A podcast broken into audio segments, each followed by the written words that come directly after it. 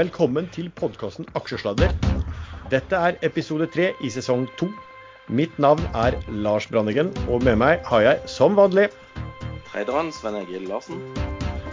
I dag tenkte vi snakke spesielt om hva som foregår innen den grønne bølgen i kapitalmarkedet, i SGI-aksjer. Flytting av kapital fra det som av noen betegnes som umoralske virksomheter, eller Vice, over til mer dydsvirksomheter, Virtue. Og hvilken gjest kunne være bedre til å snakke om dette enn dagens gjest, sjefsstrateg Peter Hermadrud i Sparebank1 Markets. Velkommen til oss, Peter. Takk for det. Du Peter, først. Det, det snør i Oslo i dag. Det er vel eh, godt nytt for en som er en eh, aktiv skiløper? Ja, det, du skulle ikke tro jeg var det når jeg var bergenser, men, eh, men jeg har lært meg å gå på ski etter hvert. Så det blir nok langturer både lørdag og søndag. Ja. Men Bruker du fortsatt å delta i eh, sånne i, i langrenn, altså sånne lang, langløp, for å si det sånn? Ja, jeg går, noen, jeg går noe hvert år. Typisk Birken har jeg helt sikkert tenkt å gå i år også. Mange år, hvor mange år på rad har du gått ennå? Og, nei, Det er ikke hvert år, men det er de fleste årene de siste 15-20 årene. Så det stort sett har jeg gått. Du har vunnet Kapitals kåring som beste analytiker innen strategi i en årrekke. Så tenkte jeg at lytterne vil kanskje høre litt om hva den jobben som aksjestrateg går ut på. Og så er det også sikkert noen som lurer på hvilken utdannelse må man ha for å bli aksjestrateg? Er det, er det en skole et sted? Nei, vi kan begynne med det første. Altså, som, som strateg så mener jeg noe om de overordnede spørsmålene. Det vil si at jeg, jeg på en måte jobber sammen med vår, vår sjef økonom Harald Magnus Andreassen. Eh, og mener noe om hvordan det går med verdensøkonomien hvilke utsikter, så tar jeg ned til hvordan er det utsikter for enkelte bransjer. Hvordan er utsiktene for aksjemarkedet. Og, og, og, da kommer jeg ned til sånn overordnet hva slags type aksjer skal du sitte med. Skal du sitte med shipping, eller skal du sitte med defens, såkalt defensive aksjer som, som tåler økonomiske nedturer og liker rentekutt? Eller hva slags type gruppe aksjer skal du sitte med? Og I den forbindelse mener jeg det også om skal du sitte med de veldig snille aksjene som skal redde verden, de, de grønne aksjene, eller skal du sette heller nå og kjøpe tobakks- og pornoaksjer? Det er liksom en del av jobben min. Mm. Utdannelsesmessig eh, altså Først av alt skal du være veldig interessert i aksjer, tror jeg. Eh, og det har jeg vært siden jeg var bitte liten. Eh, selv er jeg utdannet på Handelshøyskolen. Jeg var sjef for aksjeklubbene på Handelshøyskolen eh, mens jeg var der. Og så Etterpå tok jeg et par år til i Chicago på en sånn såkalt MBA i finans der. Og du har vært innom en del andre meglerhus, og du har vel vært forvalter også, om jeg husker riktig? Det stemmer, ja. ja så jeg begynte, her, når jeg begynte, kom tilbake til Norge, jeg jobbet litt ute, så var jeg analytiker. Og så var jeg som du sier, forvalter. Jeg var såkalt investeringsdirektør i Vital Forsikring. Det er det som nå er DNB Liv. Eh, så der var jeg ansvarlig for liksom, aksjeporteføljen i åtte år. Mm. Så jeg har følt på tegnet hvordan det er å sitte og, og, og investere pengene i, i stor skala. Ja. Dagens hovedtema, den grønne bølgen, ESG, Virtue og Vice. Eh, først og fremst, hva, hva, hva, er egentlig ESG, er det sikkert noen som eh, vil lure på. Hvordan ja. definerer man det?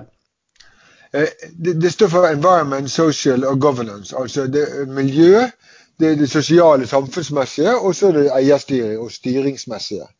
Eh, I praksis så er det relativt mye av dette som dreier seg om miljø for tiden. At det dreier seg om uh, utslipp og bidrag til Parisavtalen og sånne ting.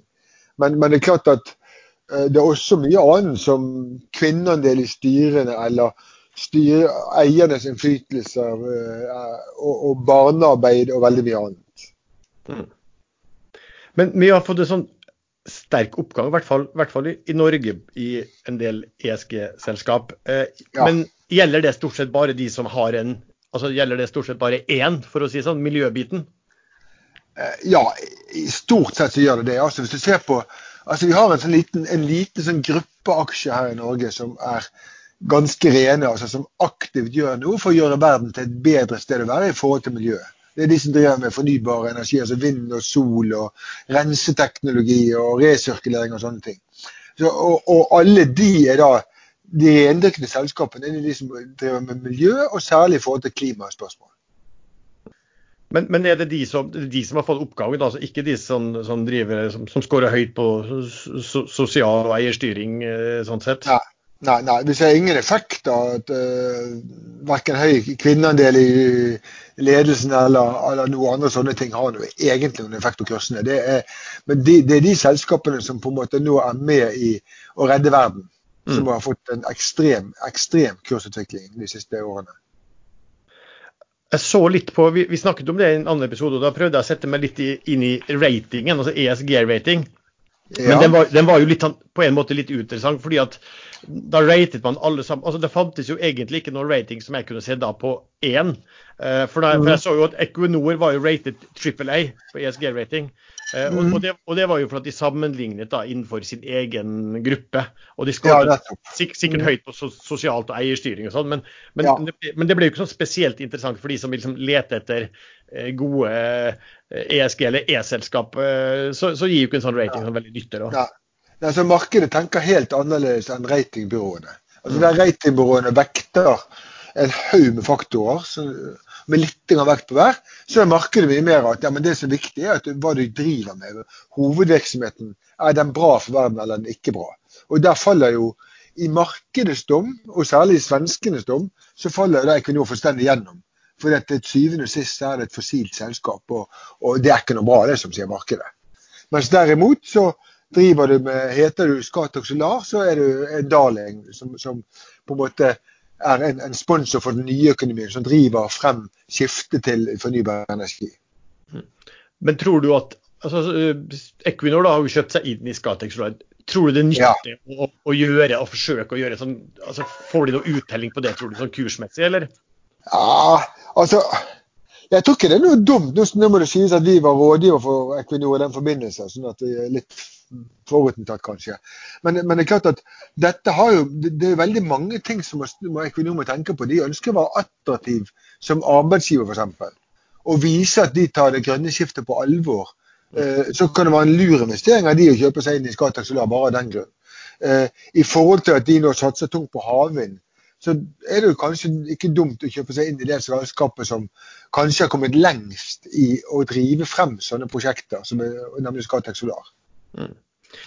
Men altså, Vi har sett det på, på du si, E-selskapene, da, som eh, miljøselskapene går i Norge. Men, men hvordan, er de, hvordan er de, hva skjedde i andre land, liksom, hvis du sammenligner litt det med, med Norge? Eh, de ser tendensen alle steder, men det er, det er mye tydeligere her hjemme. Altså, her hjemme så har vi sett den så tydelig at gjennomsnittet altså Vi har, vi har definert for et godt og vel et år siden hvilke selskaper er det som er de, er de ordentlig bra E-selskapene. Og, og det var egentlig bare seks stykker. Eh, og så var det fem til i Sverige. liksom. Mm. Men gjennomsnittet av de aksjene, altså godt ti aksjer, er at de har femdoblet aksjekursen de siste tre årene. Så De doblet seg i 2017-2018. Og så fra begynnelsen av 2019 til i dag, og siste året, så har gjennomsnittskursen gått to og en halv gangen. Så det er helt vilt. Eh, og, og, og tilbake til hva var det du spurte med i forhold til det igjen? Ja, Jeg spurte litt, litt om hvordan det var i forhold til andre land. eh, Ja, ja. Så, så eh, den effekten er enorm i Norge. Den er enorm i Sverige.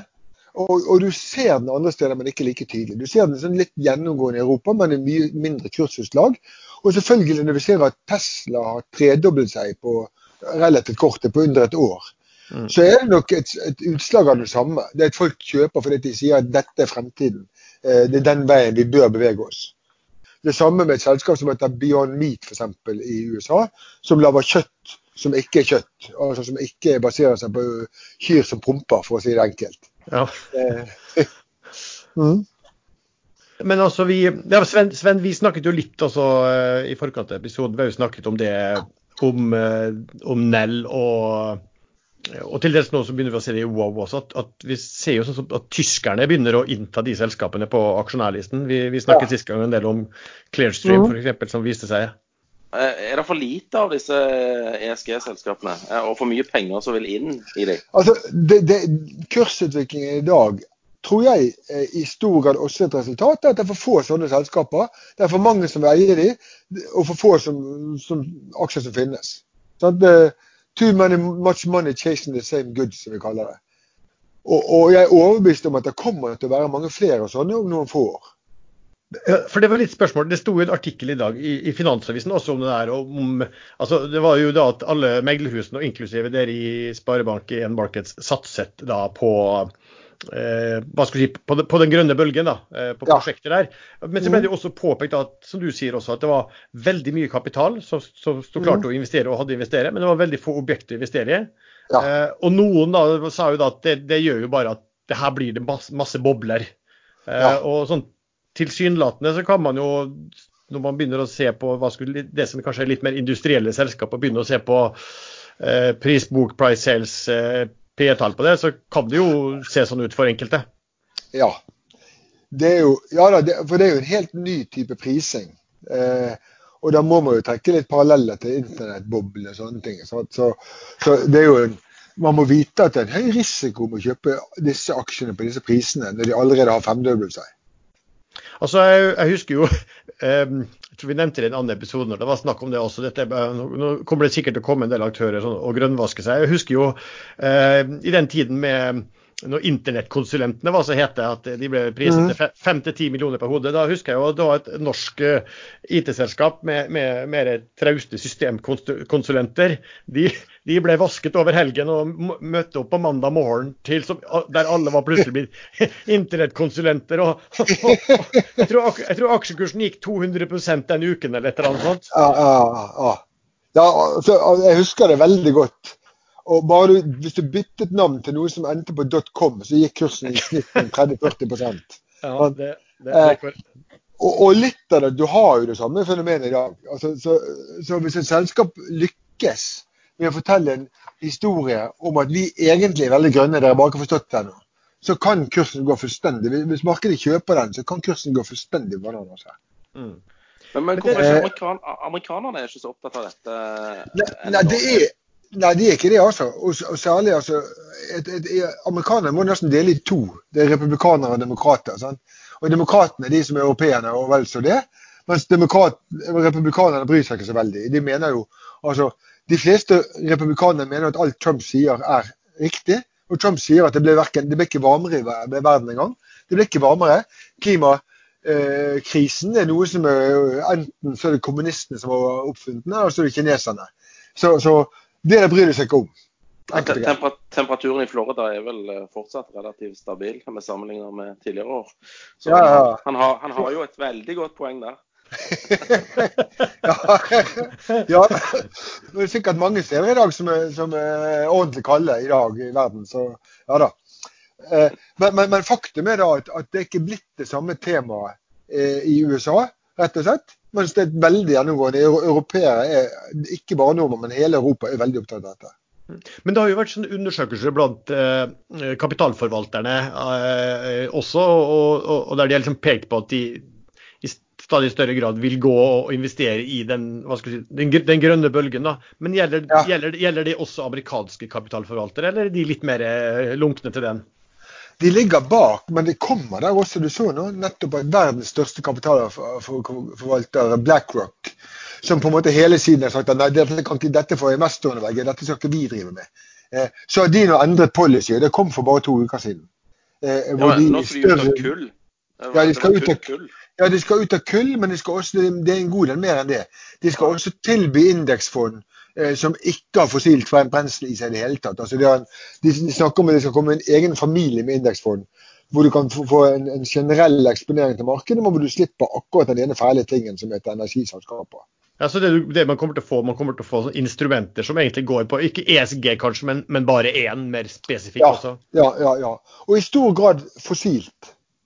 Altså Jeg tror nok i økende grad at du vil få selskaper som som bare sier at ja, vi kan kjøpe hva som helst, men akkurat fossil skal vi ikke ha.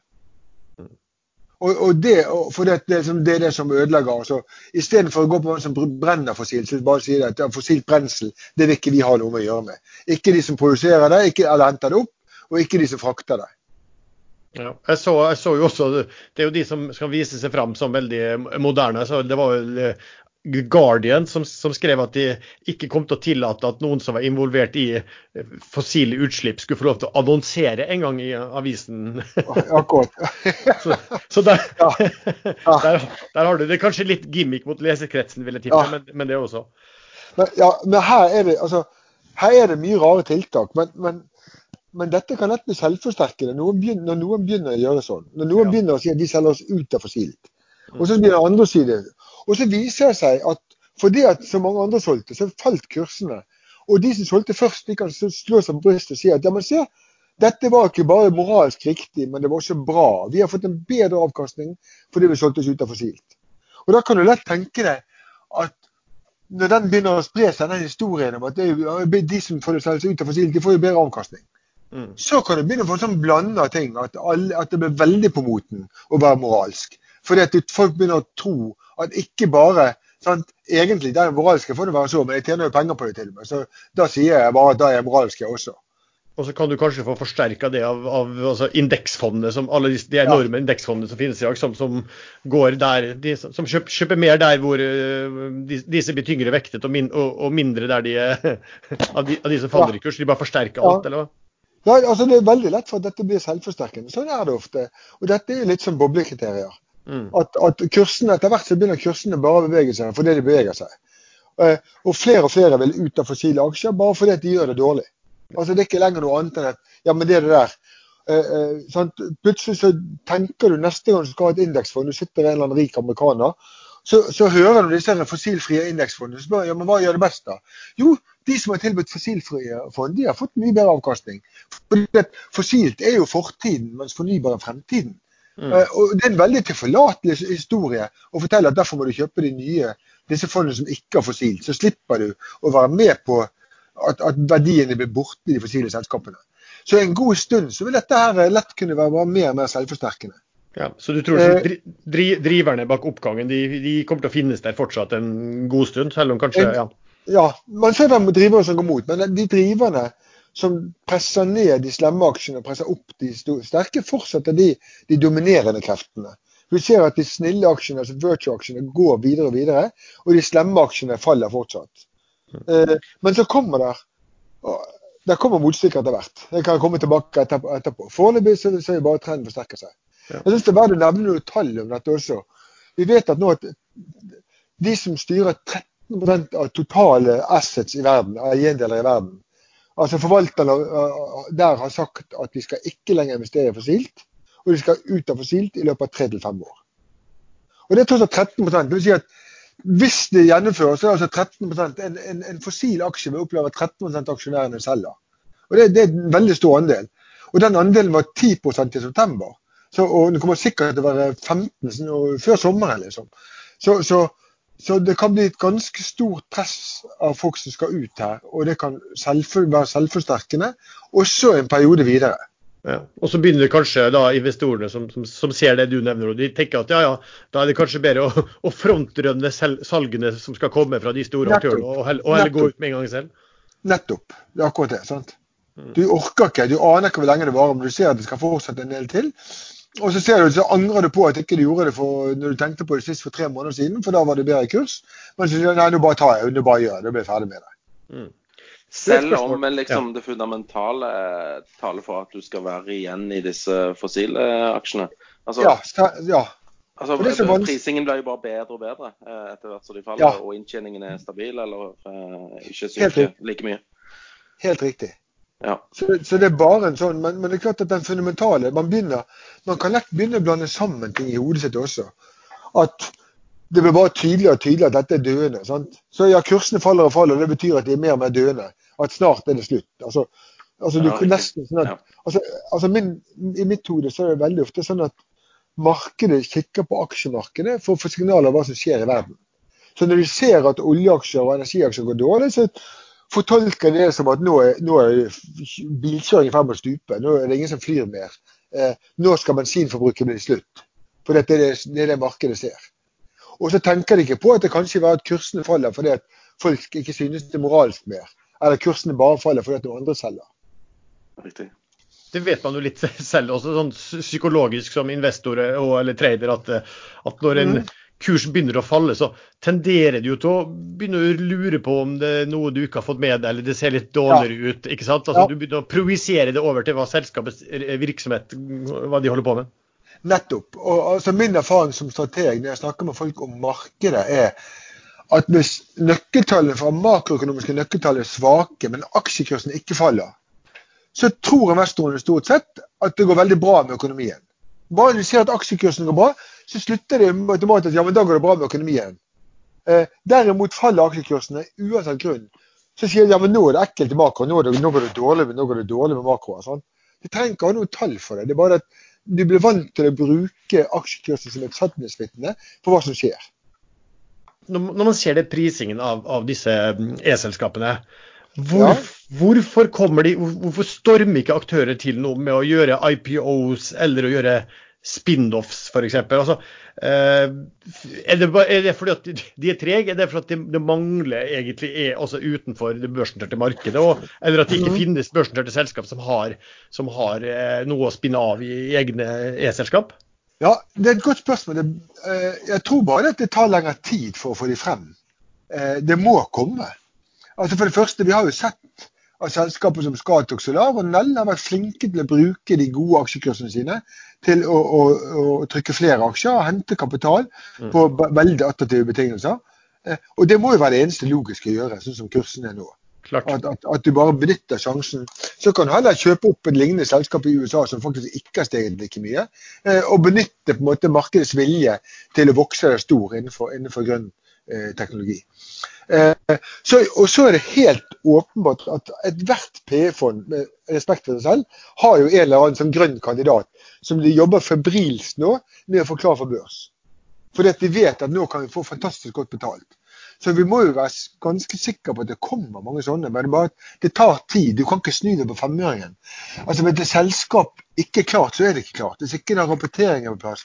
Det er veldig mye som må gjøres før et selskap er klar for børs. Ja, så jeg tror bare det, det jobbes med. Det jobbes i PE-fondene, det jobbes i meglerhusene. Og så etter hvert så kommer vi til å se disse her. Kommer det en bølge med nye sånne selskaper. Men da blir jo da øker jo tilbudet av ER også, da. og Er det, er det da slik at på det, det, tidspunktet er det da man skal gå ut av de som kanskje priser veldig høyt? Jeg tror, fort, jeg tror, at på det tidspunktet så vil kursene flate ut. Mm. Altså, da, altså På et tidspunkt så kommer det Hittil er det bare mer og mer penger vil inn og det blir ikke flere aksjer, så da stiger kursene. Ja. Så kommer du inn i den fasen hvor det er mer og mer penger som vil inn, men det kommer også flere og flere aksjer. Eh, og Da blir det balanse, og da kan kursene begynne å falle igjen. Eller, men det kan også stige videre, avhengig av måte, hvilken trend som er sterkest. At det kommer flere aksjer, eller at det kommer flere kjøpere. Men, den, men slutten på mange av disse eventyrene kommer til å være når det er blitt for mange sånne selskaper som skal investere for mye kapital. For da blir det, da blir det bare at lønnsomheten på de investeringene de gjør, ikke blir så god. Ikke sant? Det, altså Til syvende og sist er jeg redd for at det blir, er det for mange som skal investere i havvind. Så tror ikke jeg det blir noe lønnsomt å investere i havvind. Enkelt og greit. Det blir bare altså, Neste auksjon England har sant? Hvis det er de sier, de sier, at nå skal vi ha nå, den som kan gi oss billigst havvind. Sant? Vi skal ha 1 gigawatt i 10-20 år, liksom. Den som gir oss lavest pris, vinner. Og så kommer hele verden og prøver å vinne. Og alle har hentet masse kapital for å vinne sånt. Da kan det veldig fort bli dårlig avkastning på den kapitalen. Mm. Og, og, da skal det komme det ut. Det er ja, for, det endelige. Ikke sant? For det kan jo være en god del av de e-selskapene som ikke har noe sånn veldig sterk markedsbeskyttelse, da, for å kalle det det. At, ja, altså, de er åpne for at det kan komme nye konkurrenter inn der. Men, men ja. ser du noen, det noe, har du sett noen er det noen børsnoterte selskap man kan tenke seg der det kan komme en eller annen interessant spin-off, f.eks.? Det er jo mange av dem som nærmest er sånn konglomerater og holder ja. på med, mye. Ja, ja. Fins det noen sånne som kan, kan tenke seg det? Altså, Jeg hadde jo lurt litt på Yara med skrøbbere. De trodde jeg kanskje skulle komme på børs. Ja. Altså Skrøbbere det, det er utstyr som du setter bak på et skip for å rense utslippene. Og Det er typisk en sånn, sånn ting som, hvor det er en veldig, veldig sterkt økende etterspørsel. Som det kunne kommet, og jeg er litt overrasket at at de ikke gjorde det. Eh, men sånne ting kan komme veldig kjapt. Jeg vet ikke om så veldig mye annet, men det må jo være mye. Vi snakket om Norske Skog i dag for en time siden. De har en del ting hvor de nå ser på en del miljøinvesteringer som plutselig kan bli ganske store, og som mm. kan spinne av. Jeg så at Arbeiderpartiet og LO ville gå sammen eh, om å lage et statlig hydrogenselskap. Uh, men det, det finnes jo allerede. Det heter jo Norsk Hydro. ja. ja. Nei, men Det er ikke tull engang. Det sto i nyhetene i går, tror jeg det var. Ja, akkurat. Ja, Vi kan gjerne hjelpe å til kapital, i, men, men ja. Nå, er, nå er det, en, det, er jo et myggselskap. men jeg så En som jeg så bare sånn, var derfor jeg tenkte på type spin-off generelt sett. Det var fordi jeg så et selskap som heter Goodtech som ja. har 150 eh, millioner i market cap totalt, og det hadde egentlig elendige resultater over en del år.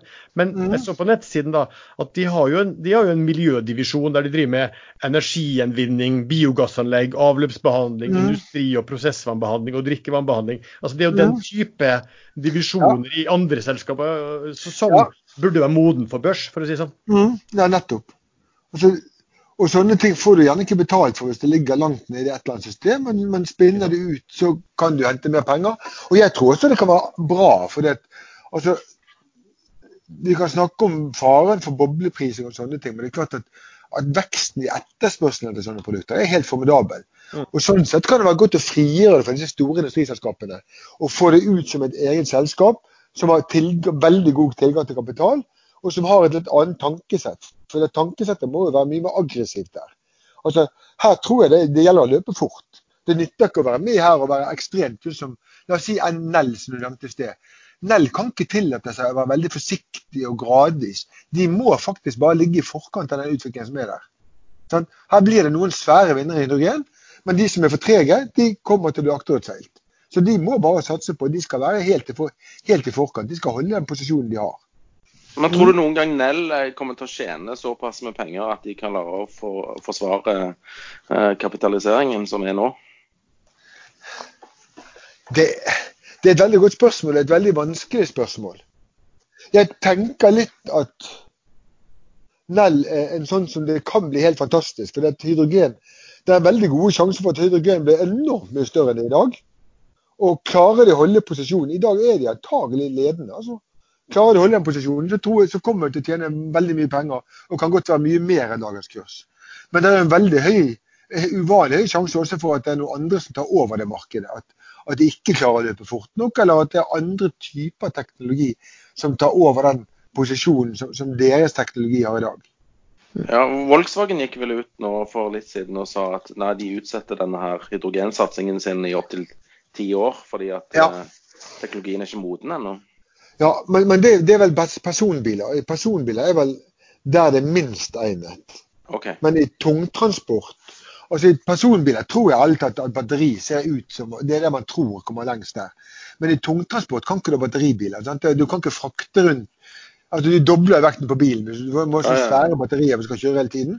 Og Der, er hydrogen en, en, mye bedre alternativ løsning, som du kan frakte med deg eh, og uten at det veier så veldig mye. Sant? Det er jo nesten, altså Hydrogen er jo egentlig omtrent som et batteri. altså det, det, er en måte å lagre energien på. Det kan komme i industrien, altså i forhold til stålproduksjon, i forhold til gjødselproduksjon. Så det er svære andre markeder. Mens personbil basert på hydrogen er nok, ser ikke veldig hot ut for tiden. Jeg så Nell gikk vel opp eh, ja, i hvert fall tidligere på dagen så var det jo opp en 7 og Det var jo fordi at han Trevor vet han Milton, han som er altså eh, toppsjefen i Nicola. Nicola. Han var ute på, på, Twitter og sa at han hadde besøkt av folk med veldig veldig store dommer, og her kom det store nyheter. og Da håpet folk at dette, håpet folk at dette skulle ha noe med, med, med Nell å gjøre, og, og kursen gikk. Og, Det er jo sånn det er litt, er litt i det markedet der. da. Ja, ja. men det, det, er klart at det er farlig å kjøpe på sånne rykter. At, uh, Sist gang det var et sånt rykte, hvor han sa at nå kommer vi med en kjempenyhet i løpet av en uke eller to. Og markedet blir, jeg personlig må innrømme at det blir veldig tenker, nå kommer Nell, nå kommer Nell.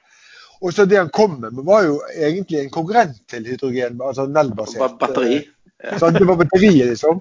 Så, så, så, det er jo farlig. Det er såpass kryptisk at du skal ikke være sikker på at dette her er positivt for deg heller.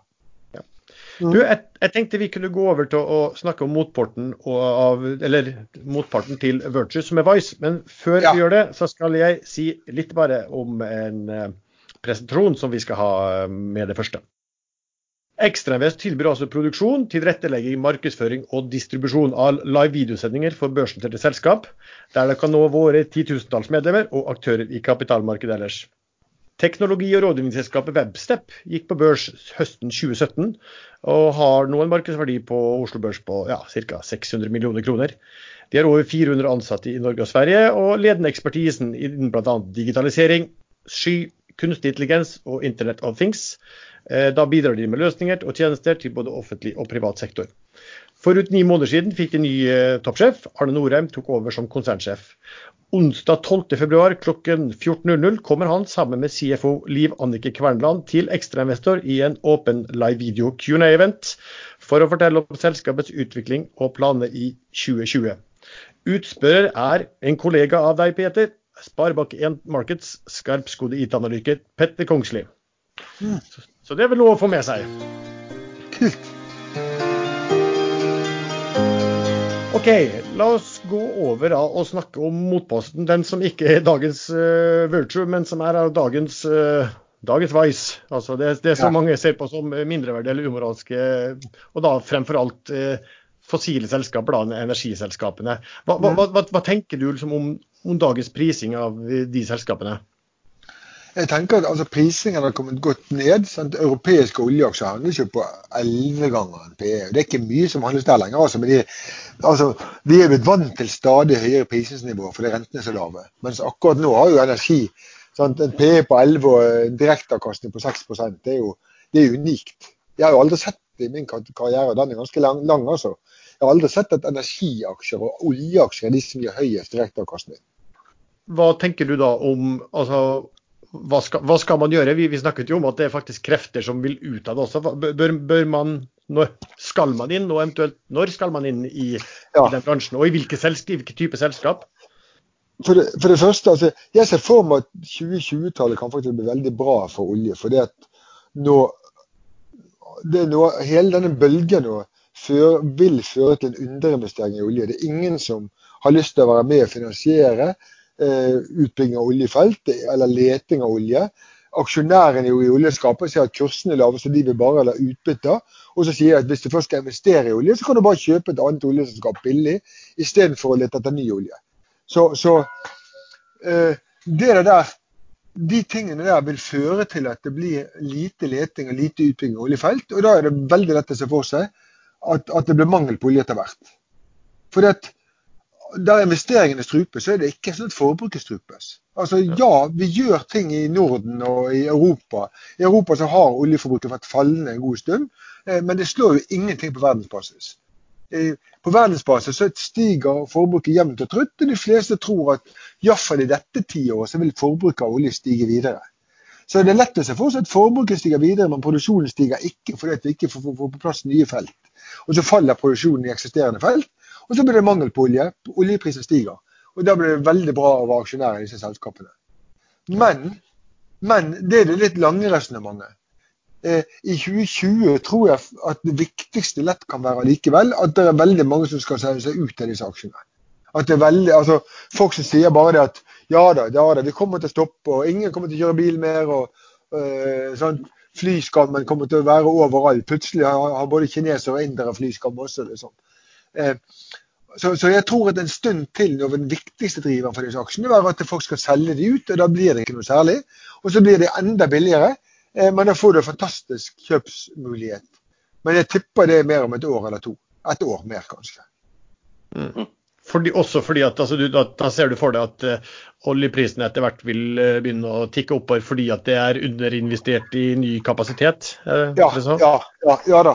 Du vet, Det tar så lang tid før du merker det. Hvis du investerer for lite, så har du ingenting å si for balansen i år. Eh, sånn, sånn. Det er bare at over mange år, hvis du ikke bygger ut nye oljefelt, så etter hvert så bremser det opp. Hvis du ikke vedtar eh, hvis ikke du leter etter olje, hvis ikke du finner olje, hvis ikke du vedtar at du skal bygge ut noen felt, så plutselig på et tidspunkt vil du merke at nå er det faktisk mangel på olje. Og vet dere hva? De neste tre årene så har vi ingen nye prosjekter. Og da blir det, da blir det trangt i dørene. altså. Shell kom jo med sine tall her for et par dager siden, og, og de falt jo på det. Men eh, reservene der viste jo at de kun har åtte år igjen med reserver hvis de ikke mm. finner noe nytt. Ja. Og det er jo all time low eh, mm. når det gjelder oljereserver. Ja. Og, vi vet, og det, de er vel ikke alene ja. om, om, akkurat den biten der. Ja, altså Oljeselskapene har jo gjennomsnitt Fra toppen har de kuttet nesten halvparten av investeringene. Og, og det syns man har gjort tidligere, også i dype kriser.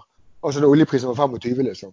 Men nå er oljeprisen tilbake til 60, og fortsatt så har de beholdt de lave investeringene. Eh, vi vet at funn, oljefunn de siste fire-fem årene er elendig. De finner nesten ikke olje mer. Og da, da går reserven ned, da. Eh, så, så, og hvert år så produserer de videre, så er det mindre igjen i feltene sine.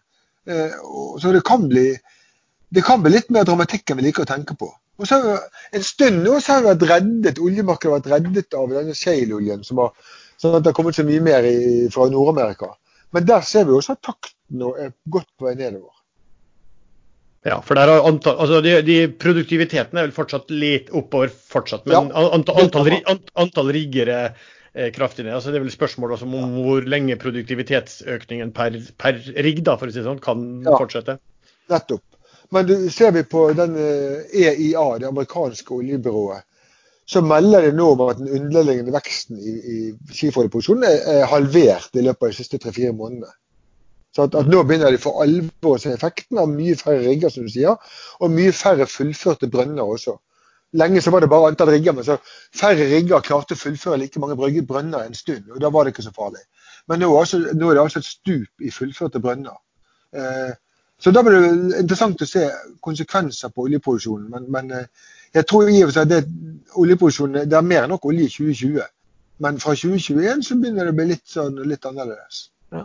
Men når du snakker om fullførte brønner, er, er det slik at de da bårer færre, eller er det slik at de For at eh, de, de kan jo båre en brønn, men ikke flekken. Dvs. Si at du nesten du, du, du gjør en del av produksjon, eller gjør en del av boringa, så legger du nesten på et varelager, da, for å si det sånn. Ja, ja det, gjorde de, det gjorde de i stor grad i 2019. Det har vært veldig mye snakk om disse store lagrene, såkalte dukker.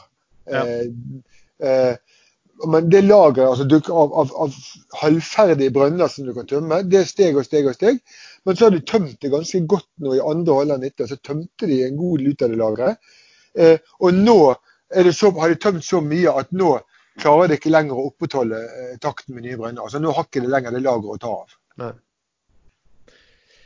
Det, det, jeg ser rundt omkring, da, hvis du skal si en sånn motpol på, til, til det som går på um, oljepris, så er det vel altså, en del som sier at ja da, det, det er jo sånn at det er mange land i, utenfor den vestlige verden der eh, levestandarden blant eh, befolkningen går opp. Og når levestandarden går opp per, altså per person, vil, vil forbruke mer energi, da, for å si det sånn. Ja, nettopp. Så er det en del som sier at nei, men kanskje verden har blitt så moderne at, at det eh, ikke gjelder. At, at, at, at de vil på en måte kunne stanse den eh, økningen, eh, de også, og begynne å gå mye raskere mot en type sånn vestlig forbruk, der, der forbruket er flatt eller, el- eller fallende. Og, og så er det da noen som sier hvis det gjelder, hva gjør da eh, Saudi-Arabia og den type aktører som har kanskje veldig lange, mye ressurser for eh, Mm. veldig mange titalls år, de begynner å se enden på det og så finner ut at ja, ja, vi har et så lav produksjonskostnad at vi må, bare, vi må bare få pøst ut dette her mens det faktisk er eh, etterspørsel. Hva, hva tenker du om sånt resonnement?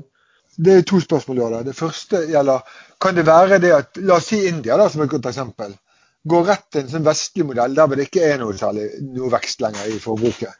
Eh, så er det veldig mye lettere å ikke øke forbruket ytterligere når du allerede har fire med, med feriereiser med fly i året. Når du allerede har to biler og du kjører til hytten hver helg. Eh, så kan du kanskje klare det med at du ikke øker forbruket. Men hvis du bor i et skur uten oppvarming og uten, uten nedkjøling, hvis du bor i et skur og går til jobben selv om den er fire kilometer unna, eh, fordi du har ikke råd til noe annet, så er det likevel sånn at når du blir mer velstående, så skal du kanskje gå på en trikk som faktisk bruker litt, eh, litt drivstoff. Mm. Kanskje skal du ha en ferietur en gang i året. Kanskje skal du ha aircondition enten der du jobber eller hjemme. Og, og sånne ting vil være massive driver for, for forbruket videre. Så jeg har ingen tro på den der at de kan gå rundt. Altså når de, de skal ikke bo på, de kan ikke leve på samme måte. De kan ikke bo i skur hvis de skal begynne å bli rikere.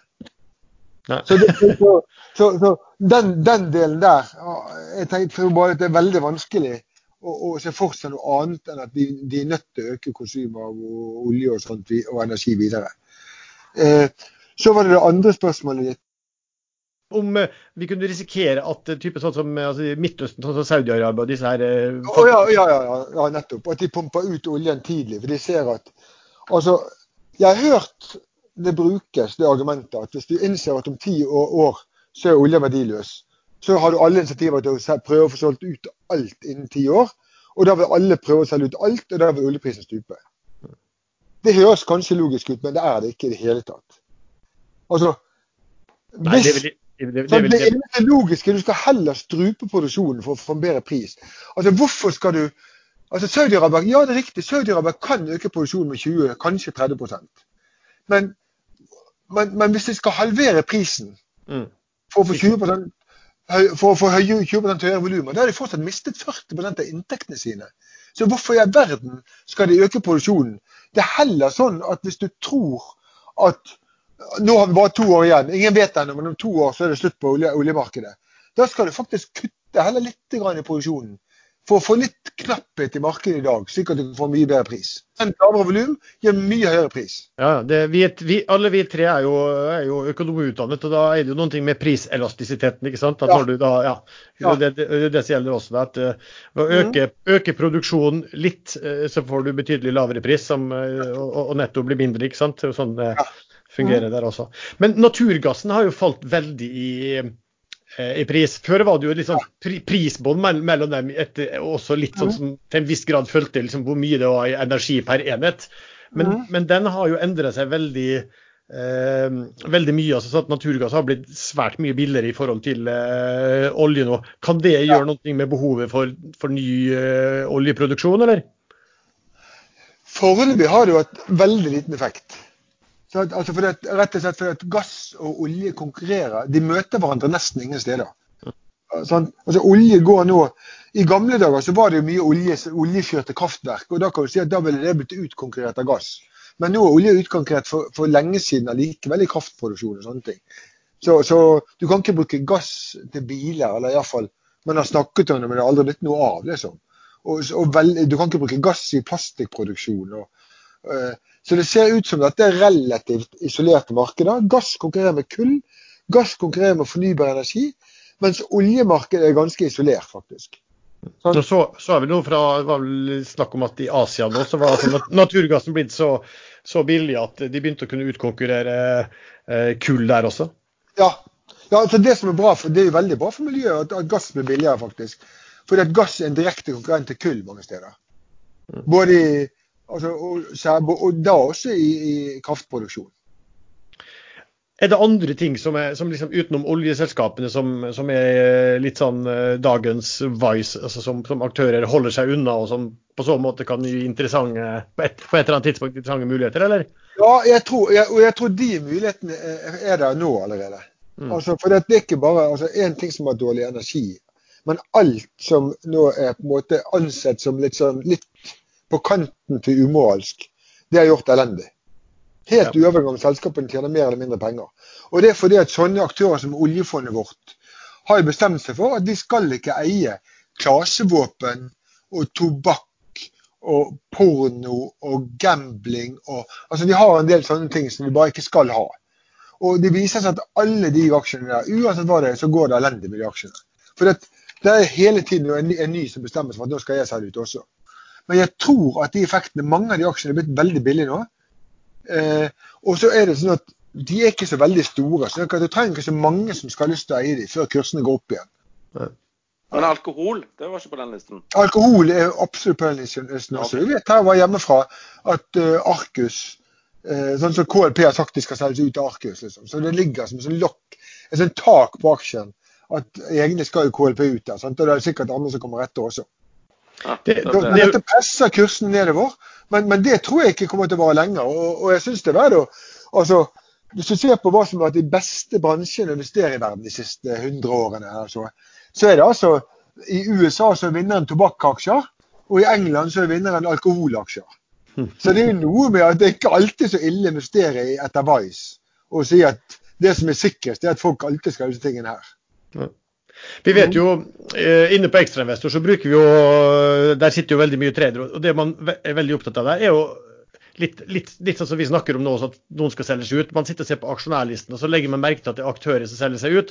Og så sitter man og sier at ja, ja OK, aksjen er billig, men denne aktøren skal fortsatt hive ut så og så mye aksjer, så vi bare Ja. sitter stille. Og så, og, men når den aktøren, man kan si at aktøren begynner å nærme seg eh, mot slutten så går da den siste bolken av aksjene de går jo da gjerne i en voldsom fart da, Ja. på slutten. Og så sier det, og så sier det boff opp, opp, så går det oppover igjen også. Mm, det er gjerne ikke så, gjerne ikke så lurt av KLP da, å flagge at de skal selge aksjene sine. Nei, sant. Det er jo eh, ikke det lureste de har sagt. eh, Nei, det er, for det, altså det mye smartere de bare går ut dag én og så bare Nå har vi gå, solgt. gå et meglerhus og si at nå har vi, her har vi 600 Ja. selskapet. Vi skal ut av andre grunner. Eh, få et bud på hele posten. Ferdig med det. Ikke sant? Det blir, det Altså, det er en mye bedre måte å selge på enn å i litt illikvide aksjer og dreve småselg hele tiden. Det er ikke noe bra, vet du. Det blir vel til slutt eh, Stein Erik Hagen sin private vinkjeller, dette Arcus-selskapet. nå tenkte jeg vi skulle forlate Vice og Virtue. Ikke helt ennå. Okay. Fordi at jeg, eh, jeg har leita etter sånne pornoselskap å investere i. Men jeg har ikke funnet noen. Eh, Så var det dette Private Media. Jeg husker jeg var populær blant òg norske eh, investorer.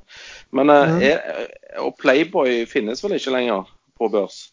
Nei, altså, du har iallfall den som heter RCI Hospitality. det hørtes ikke mer ut som et hotell eller noe sånt? Det, da. Ja, det, jeg tror det er mye rart oppi der. En litt spesiell type hotell, kanskje? Ja, akkurat. eh, Jeg hadde mistanke om litt sånne ting, ja. Ok. Men har du en tik tikker for det? Eh, Det kan jeg finne etterpå. Jeg har det ikke her. Ok, her men men- men jeg har funnet- Jeg har funnet aksjen, og den er lavt priset. Jeg tror det er P6. P6, tror jeg. P6, ja. Ja. Det passer, jo du godt. Kanskje det alltid er P6. uansett. Men, eh, Kanskje står, står i statutten til selskapet at vi kommer til å emittere sånn at vi alltid er på P6. Oi, oi, uff, da. Kan vi gå over til å snakke om noe annet. Så vi i forrige episode snakket om ganske mye her. og det var en av eh, våre faste paneldeltakere som hadde det som en sånn liten black swan. Og det var virus. uh, som kunne Ja. ja. Jeg hadde sa datavirus, og så hadde vi en som snakket om virus på befolkningen. Uh, Ja. Og da hadde det så smått, bare bitt noen drypp, begynt å skrive om dette koronaviruset. Mm. Men det, uh, altså, hva, hva, hva, hva tenker du om status? Hvordan kan det påvirke noe kortsiktig, sånn som status er nå? Og, og hva bør du eie, ikke eie, der Ja. vi er nå? Ja. Altså, for det første, status er at, at det har vært mange scares, men, men mange, det er veldig mye unøyaktigheter som prøver å fortelle hvordan det har påvirket markedet. For folk ser det ofte på feile perioder. Du må jo se på det. Altså, det relevante er det fra markedet får vite om det, dette her. og det er eh, det begynte i januar i år, faktisk. Det er ingen som hadde hørt om det, bortsett fra noen få medisinske eksperter eh, i desember i fjor. Eh, Men det er en kort periode, så er det sånn at det sprer seg akkurat altså Kunnskapen om viruset sprer seg som et virus. Og så blir det vanvittig mye fokus i markedet, og det pleier å vare noen få måneder. Sånn, hvis ikke det går helt altså Hittil har vi klart å ha altså, noenlunde kontroll på sykdommen etter hvert. eh, Og da er det en kort periode hvor du får store utslag. Eh, og, og det som typisk faller mest på det, er cruise, delvis fly, turisme, sånne ting som det. Og, og tanken er bare, altså Vi vet jo at det kommer nok ikke så veldig mange kinesere til, til eh, Nordkapp eller til Hurtigruten neste uke. Liksom. De fleste av de, hvis ikke det har kommet seg ut, så kommer de seg ikke ut, stort sett. Folk er livredde i sånne situasjoner, som det har vært en del av tidligere. Så jeg pleier å sammenligne mest med den SARS-utbruddet i 2003, svineinfluensaen i 2009, og litt også med fugleinfluensaen og med ebola. Men de var egentlig mye mindre vesentlige. Men særlig SARS og svineinfluensa, da var det lignende situasjoner hvor du hadde en situasjon som eh, eh, eskalerte veldig kjapt, hvor spredningen var stor, og hvor, hvor man fryktet at, dø, at det skulle være veldig mange døde etter hvert. I forhold til den, så det vi vet nå er at denne her sprer seg veldig mye kjappere enn de andre. Altså, Det var ikke, aldri så fort som dette på verken svineinfluensa eller SARS. Det er faktisk ikke i nærheten. Og så vet vi veldig lite om dødeligheten foreløpig. For det, det er ikke så, altså Dødeligheten er 2% men det er bare at uh, du kan ikke regne med at hvis du fikk diagnosen i går, at du er død i dag, liksom. Ja. Uh, Og, og dødeligheten, altså antall døde i forhold til det vi visste var smittet for fem dager siden, da snakker du 10 og ikke 2 Sånn Nesten alle som vi vet har sykdommen, har jo fått den, har jo funnet, fått den de siste tre dagene. Uh, Så, så Ja, det, var sånn, det, det, ja, ikke sant? Det, var, nei, det var ikke jeg klar over. Sånn, så, tenk, det, det er jo riktig måte å tenke på, selvfølgelig. At, Ja, at. Hvis du mel- mel- melder 1000 nye rapporterte i går, så er det jo ikke prosentandelen av de som en virkelig som bør dø, dagen etterpå. Ja, dessverre. Det er 213 døde. Og det er seks-syv dager siden så var det 1000 som hadde denne sykdommen. Mm. 916 faktisk.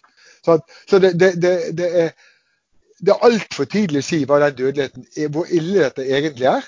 Eh, du kan ikke bare ta og regne på de ja, Det er altfor tidlig å si hva dødeligheten er. Og så er det mange andre feilkilder. For vi, kan håpe at mange av de døde er sånn at de bare Man visste ikke at de var syke, men når man obduser, altså hva man hadde, de hadde for noe.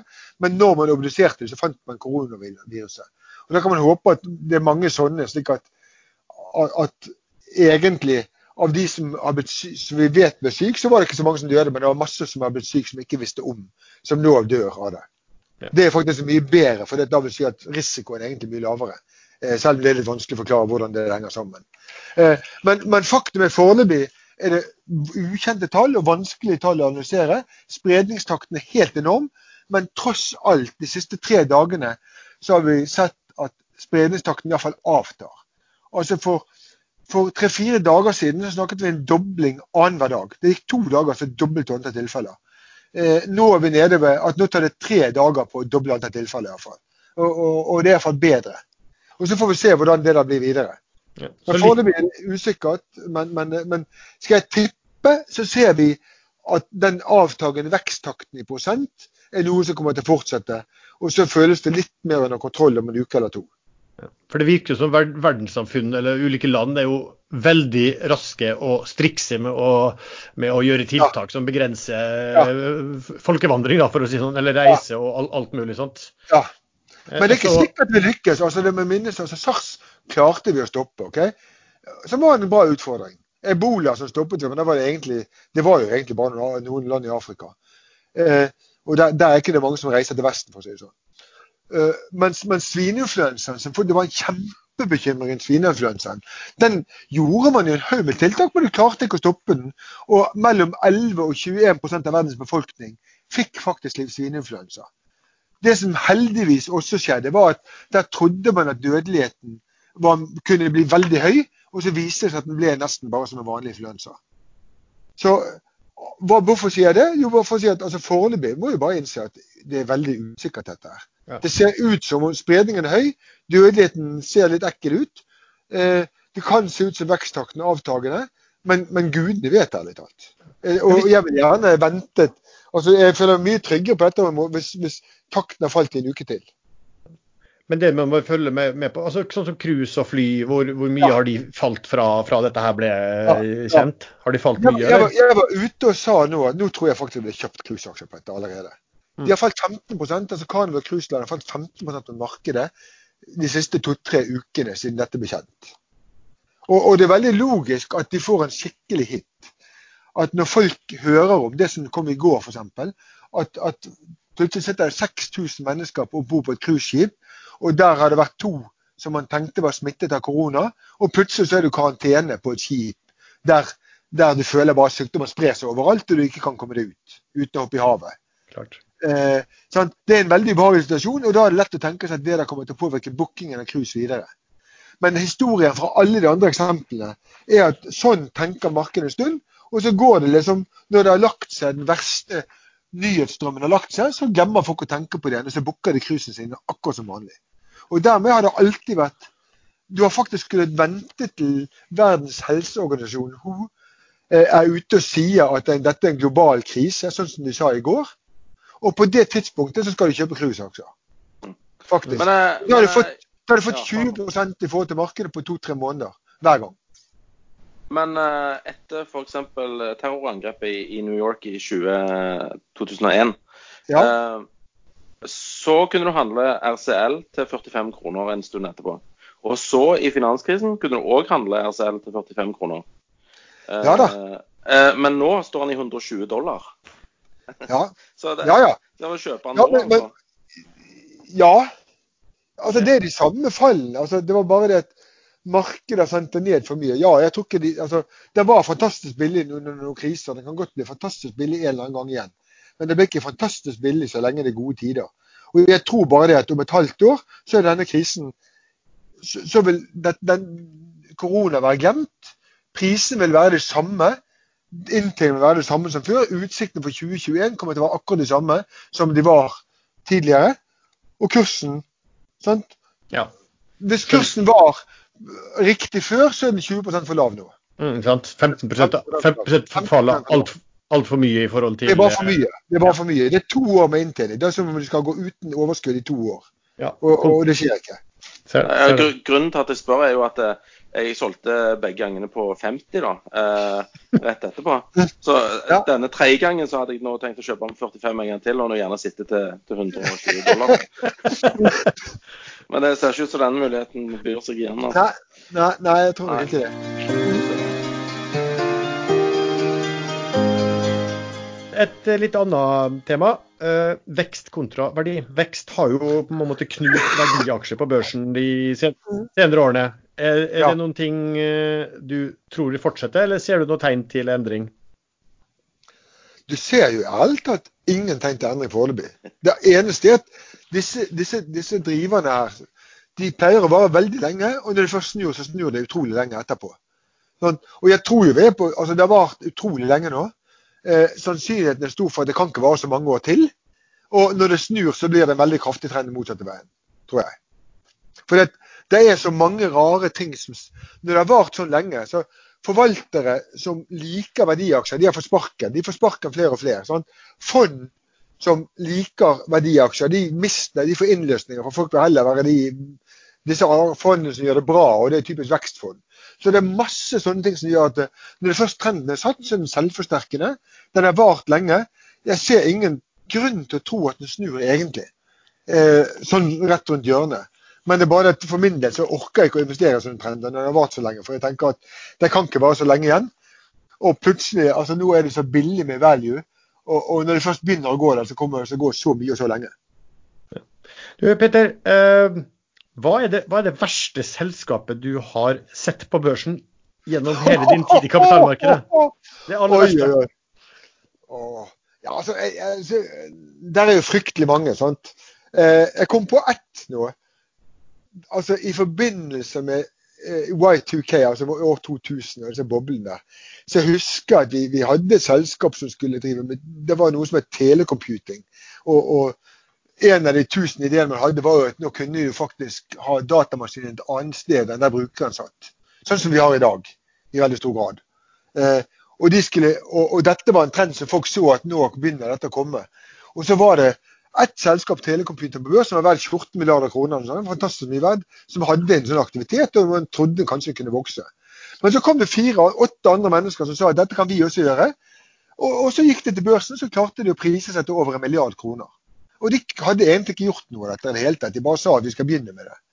Og jeg synes at for åtte mennesker som ikke kan noe om det omtrent, så var det ganske frist med en milliard kroner. Det var kanskje sjukeste jeg har sett. Men var det, var det Klein Computing, var det det? Ja, hva het det for noe? Var det, det jeg husker det var Klein, Client Computing husker jeg i hvert fall, det var vel sånn som ble satt opp som skulle være en konkurrent til Telecomputing. Ja, det var, det var vel den, ja. For jeg mener at det var en, en, av de hvor det ble oppdaget at, de, at eh, når, når, prospektet ble lagd, så, så oppdaget de at det var gjort avskrift av kopi fra Telecomputing. Jeg tror, jeg tror, det var noe sted i, i, i, kopien hvor de hadde glemt å tatt bort Telecomputing og bytta navn. Å, oh, oh, herregud. Ja, ja. ja, ja men det, det høres riktig ut. Ja.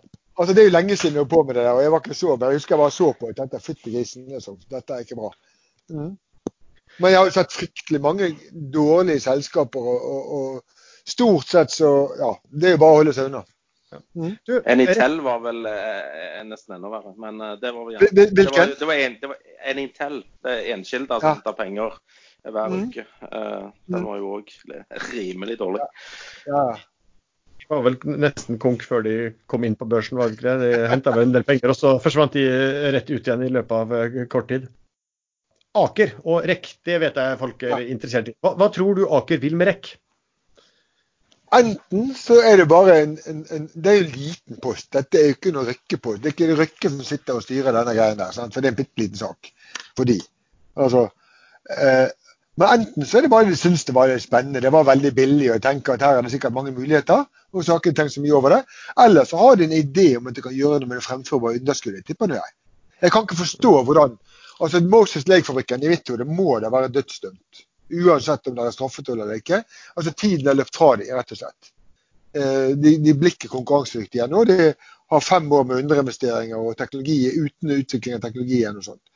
Eh, men det kan være at det er svære fremfor- underskudd både i USA og Norge. Kanskje har de en smart idé om hvordan de kan bruke det.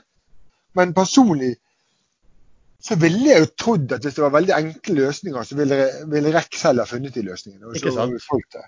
så, så jeg er kjempeskeptisk. altså. Jeg ville absolutt ikke kjøpt det. Jeg tror mest at det der er en spekulativ bølge, og at det smeller.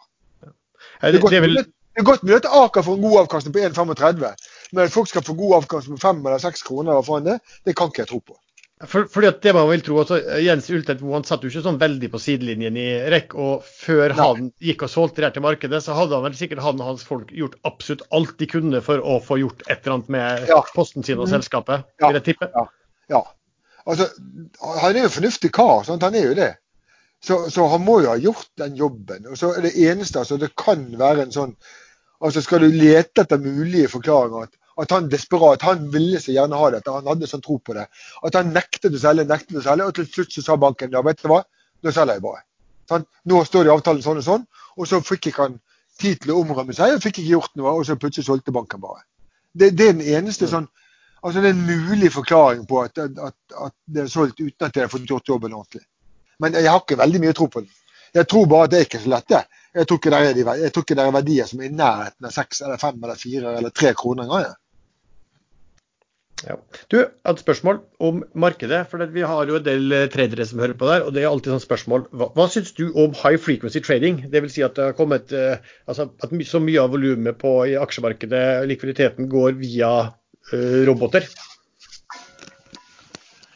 Eh, det, det er trist for sånne som oss, for jeg tror det, det er vanskeligere for meglerhusene. Altså, det å være aksjetrader er blitt mye vanskeligere etter det. Tidligere var det folk med en god nese for psykologi og flink til å lese markedet, kunne tjene mye penger som trader. Den muligheten tror jeg er slutt, for maskinene kommer til å være mye bedre enn deg. Det er de som ser trendene først. Det er den ene tingen. Den andre tingen er at en god del av likviditeten de skaper, er kunstig i og for seg. For den, den er der så lenge det småvolumer her og der. Men hvis, hvis mange har lyst til å gjøre det samme, så, så finnes ikke de selgerne uansett. Eller kjøperne uansett.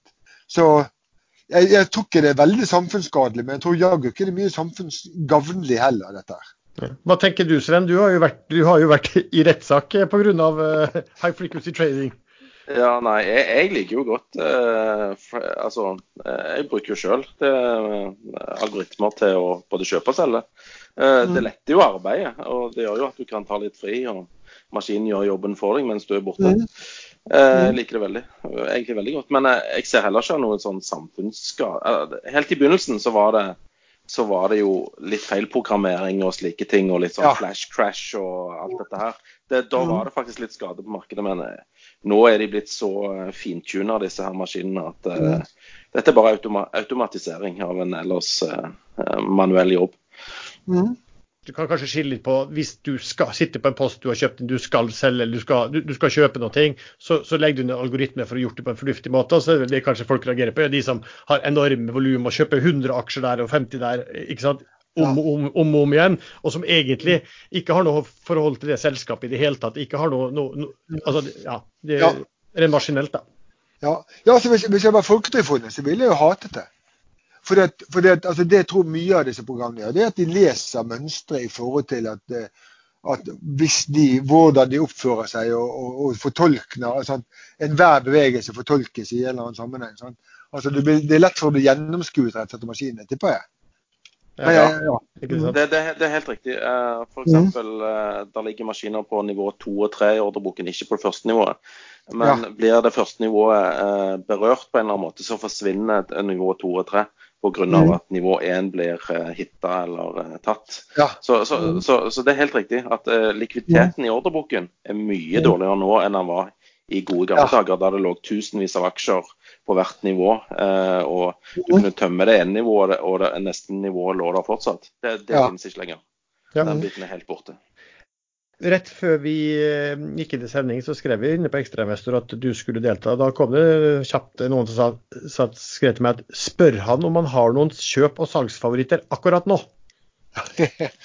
ja. Har nevnt noen. For å være de temaene vi har snakket om. Cruise. Eh, slemme aksjer, stort sett. Altså Jeg tror at tobakk eh, alkohol og sånne ting. Kan, gambling, forbruksbanker, kan bli bra stort sett. Eh, altså Iallfall Nofi av forbruksbankene, som jeg tror på. Jarra, som er aksje, så tror jeg bare Jarra er en sånn eh, Der er det bra markedsbalanse, og jeg tror den kommer til å bli bedre. Ja, det var for noen. Europris, syns jeg. Jeg tror bare Europris og Kid egentlig er to gode selskaper som er misforstått. Altså, jeg tror dette er stable earners, såkalt. altså Veldig stabile selskaper med stabil inntjening. Høye utbytter. Eh, markedet elsker stort sett sånne aksjer, og priser det veldig høyt. Akkurat Kid Europris er fortsatt veldig lav pris, selv om det er på vei oppover. Jeg tror det er mye mer å gå på i kursene der. Hvem er det som handler hos Kid, egentlig? Nei, si det! Min kone slutter veldig Ja. av det. Kone, tenkte jeg skulle si. Ja, Jeg, jeg vet ikke hva som er der engang. Mm. Nei, det er ikke akkurat uh, gå i nabobutikken som kjøper sportsutstyr, men ja. Jeg tenkte du kunne ta, vi kunne ta et siste spørsmål eh, til eh, både Peter og til Sven også. Eh, hvem tror du vinner presidentvalget i USA? Ja. Skal jeg, jeg tipper at Donald Trump vinner presidentvalget. Men jeg tror det er mer eller mindre 50-50. Og hvis ikke, så er det Biden eller Sanders. Og hvilke av de alternativene vil være bra eller dårlig for aksjemarkedet? Eh, Biden er bra for aksjemarkedet, Sanders er ikke bra. Altså, du kan, politisk kan man ha mye sympati for han, men, men eh, for aksjemarkedet tror jeg han er veldig bra. Han er for anti-næringsliv og for høye skatter og sånne ting. Hva tror du, Sven, som har eh, bodd der borte? Uh, vel uh, jeg, jeg tok feil sist gang. Jeg trodde på Clinton, og da ble det Trump. Så nå tror jeg på Trump, og da uh, håper vi at noen andre vinner. Da takker vi som hjerteligst Peter Peter Hermanrud for at du ville stille opp. Håper det ga mersmak, sånn at det kan gjentas når det skjer nye spennende ting. Var det gøy? Kjempegøy. kjempegøy, Ja da.